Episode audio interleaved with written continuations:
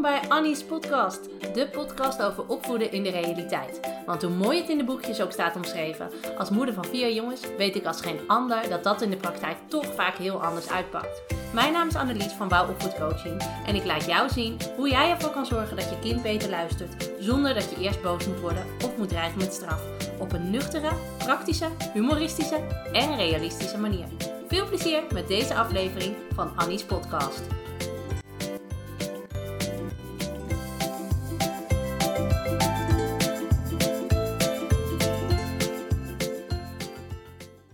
Ga jij hier maar even zitten en even nadenken over je gedrag?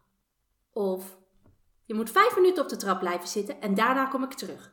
Nou, je snapt het al. We gaan het in deze aflevering hebben over het welbekende nadenkkrukje of de trap of de hoek of wat je dan ook maar gebruikt om ervoor te zorgen, uh, nou ja, als straf voor je kind als hij niet geluisterd heeft of als zijn gedrag niet door de beugel kan.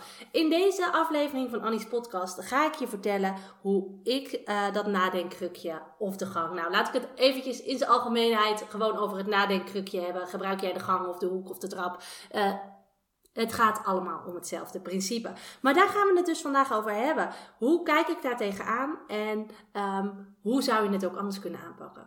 Want we kennen hem wel, hè? dat welbekende nadenkkrukje waar je kind uh, op moet gaan zitten als hij zich niet goed gedragen heeft, als hij niet goed geluisterd heeft, als hij zijn zusje een verkocht heeft of als hij zijn speelgoed niet wilde delen. Nou ja, verzin maar um, wat je kan doen maar dan kan je kind eventueel naar het nadenkkrukje gaan. En de naam nadenkkrukje zegt het al, hè? het is de bedoeling dat je kind dan daar gaat zitten nadenken over zijn gedrag dat niet door de beugel kan. En jij hoopt dan dat je kind tot inkeer komt en dat hij snapt dat zijn gedrag echt niet oké was en dat het echt anders moet. Dus jouw intentie van je kind daar op dat nadenkkrukje te zetten is de hoop dat je kind denkt: oh ja, ik moet volgende keer niet meer zo boos doen. Volgende keer moet ik het met mijn woorden oplossen als ik niet, op, uh, uh, als ik niet mee mag spelen. Of misschien wel dat je kind denkt: ja, mijn moeder heeft gelijk. Ik zal voortaan mijn grote mond houden. Of de volgende keer zal ik netjes aan mijn zusje vragen of ik mee mag spelen. Nou ja, et cetera, et cetera. Nou, dat was prachtige theorie. Maar je kent me, ik hou meer van de realiteit. En in de, praktijk, in de praktijk denkt je kind echt niet ja, dat ga ik de volgende keer anders doen. Nee, in de praktijk denkt jouw kind op dat nadenkkrukje, potverdorie, krijg ik altijd op mijn kop. Mijn zusje wordt altijd voorgetrokken. Of, rotmens. Of hij denkt, hoe lang moet ik hier nog zitten? Of hij denkt, het is niet eerlijk. Dat is wat je kind daadwerkelijk denkt op dat nadenkkrukje. En de vraag is dus of je met dat nadenkkrukje bereikt wat je wil bereiken.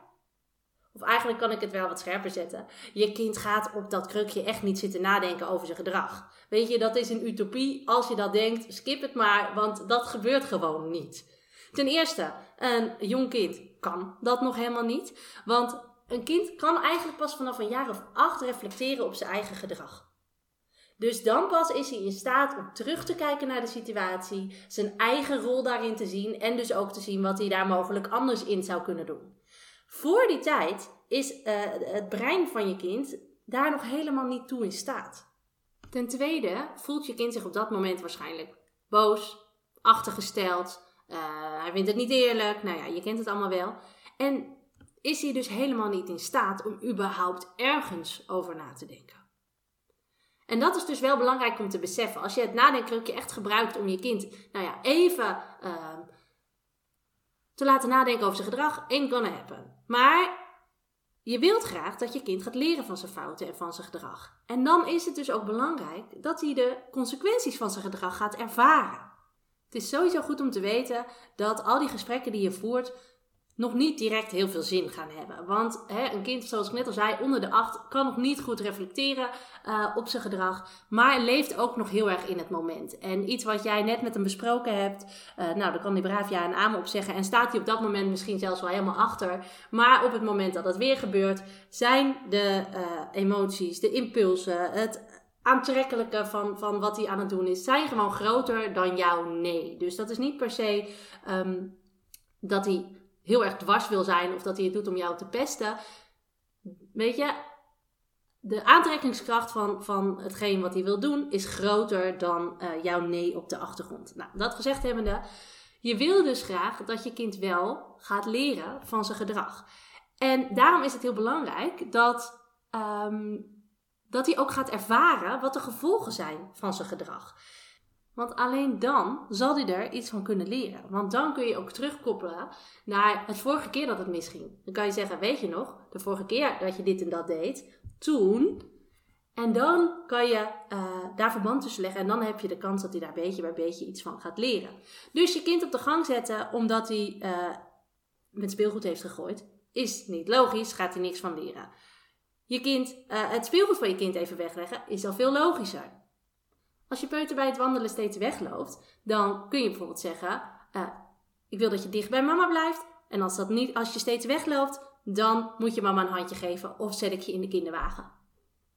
Dat is geen straf, maar een hele logische consequentie van het gedrag. En vind je kind dat leuk? Nee, waarschijnlijk niet. Maar dat hoeft dus ook niet. Het is niet zo dat als jij het op de juiste manier aangepakt hebt, dat je kind dan zegt: Oké, mam, is goed. Nee, weet je, je kind heeft gewoon iets in zijn hoofd, die wil het anders. En die gaat net zo lang lopen drammen en zeuren totdat uh, die dat voor elkaar gekregen heeft. Maar het punt is op het moment dat jij duidelijk bent in je grenzen en op het moment dat je die op tijd aangeeft, zal je merken dat je zelf ook nog helemaal niet zo boos bent. En op het moment dat jij je grenzen aangeeft um, en laat weten wat je van je kind verwacht, dan ben je veel rustiger. En dan kun je dus ook veel duidelijker zeggen van hé, hey, dit is mijn grens en ik verwacht dit en dit van jou. En op het moment dat jij dat kan zeggen terwijl je rustig bent, zal je enerzijds veel duidelijker overkomen. Anderzijds uh, zal je merken dat je ook die controle niet verliest. En dat je veel meer het gevoel hebt dat je grip houdt op de situatie. Je kind leren dat bepaald gedrag bepaalde gevolgen heeft, is duizend keer effectiever dan vijf minuten op het nadenkkrukje. En ook die ellenlange pedagogische gesprekken die je na afloop uh, voert op dat, op dat nadenkkrukje, hebben ook eigenlijk niet zo heel veel zin. Om de reden die ik net al zei, weet je, je kind rijdt zich om, er gebeurt weer iets nieuws en uh, het begint allemaal weer van voren af aan. Dus dat zijn vooral veel energievreters die niet zo heel veel opleveren. Klein voorbeeldje van een van mijn jongens. We waren in de supermarkt en hij was toen drie, drieënhalf dacht ik. En in de supermarkt zat hij steeds te kijken bij die uh, blikken met groenten. Nou, ik weet niet waarom, want dat eten we nooit. Maar goed, daar zat hij naar te kijken en hij zat er steeds aan. En ik had al uh, een keer gezegd van, blijf er van af. Want um, als het valt, dan is het stuk. En nou ja, je raadt al wat er gebeurt. Het viel en het ging stuk. Uh, wat heb ik dan gedaan om hem te leren van zijn gedrag? Ik ben samen met hem naar een winkelmedewerker gegaan. En ik heb tegen hem gezegd dat hij zelf moest zeggen wat er gebeurd was. Nou, dat was natuurlijk knik in de knieën, tranen in zijn ogen. En uh, dat wilde hij niet. Dus dat we, heeft hij schoorvoetend samen met mij verteld. Nou, die winkelmedewerker zei gelijk: Oh, dat is geen probleem. En ik ruim het wel op. Ik zeg: Nee, ik zeg: Ik wil graag dat hij even helpt met opruimen. Dus zo goed en zo kwaad als het kon, heeft hij met een stoffer aan blik daar ook staan vegen. Nou, dat was natuurlijk onwijs spannend. En dat hebben we ook echt wel samen gedaan. Want het is te veel om dat van een kind in zijn eentje te verwachten. Maar het feit dat hij zijn excuses moest aanbieden, dat hij moest helpen opruimen, dat zorgt er wel voor dat hij de volgende keer daarvan afblijft. Snap je wat ik bedoel? Dat hij heeft ervaren wat het gevolg is van zijn gedrag en daardoor um, zal hij het de volgende keer sneller laten. En weet je, op dat moment kan je dus ook makkelijker teruggrijpen op dat moment. Hè? Op het moment dat hij weer ergens staat te hannesen bij, uh, bij spullen waar hij niet aan mag komen, kun je zeggen: Weet je nog de vorige keer dat je dat deed en dat het omgevallen is? En hoe vervelend je het vond dat je dat tegen die meneer moest zeggen? Dus blijf er nu maar even af. En dan kan je kind uh, deze situatie koppelen met jouw hulp aan een eerdere situatie. En dan kun je ook zien dat hij er dus daadwerkelijk iets van gaat leren. Goed, even resume. Wat vind ik van het nadenkkrukje? Nadenkkrukjes bedoeld om je kind te laten nadenken, werken gewoon niet. Ik vind het heel belangrijk dat, je dat kinderen leren dat hun gedrag bepaalde gevolgen heeft. En dat kan alleen maar als dat gevolg ook direct verband houdt met het gedrag wat hij liet zien. Dat was hem weer voor deze week. Als je nou meer info wilt, kijk dan ook altijd even op mijn website www.wouwopvoedcoaching.nl of uh, volg me via Instagram. Ik zie je de volgende keer bij Annie's podcast.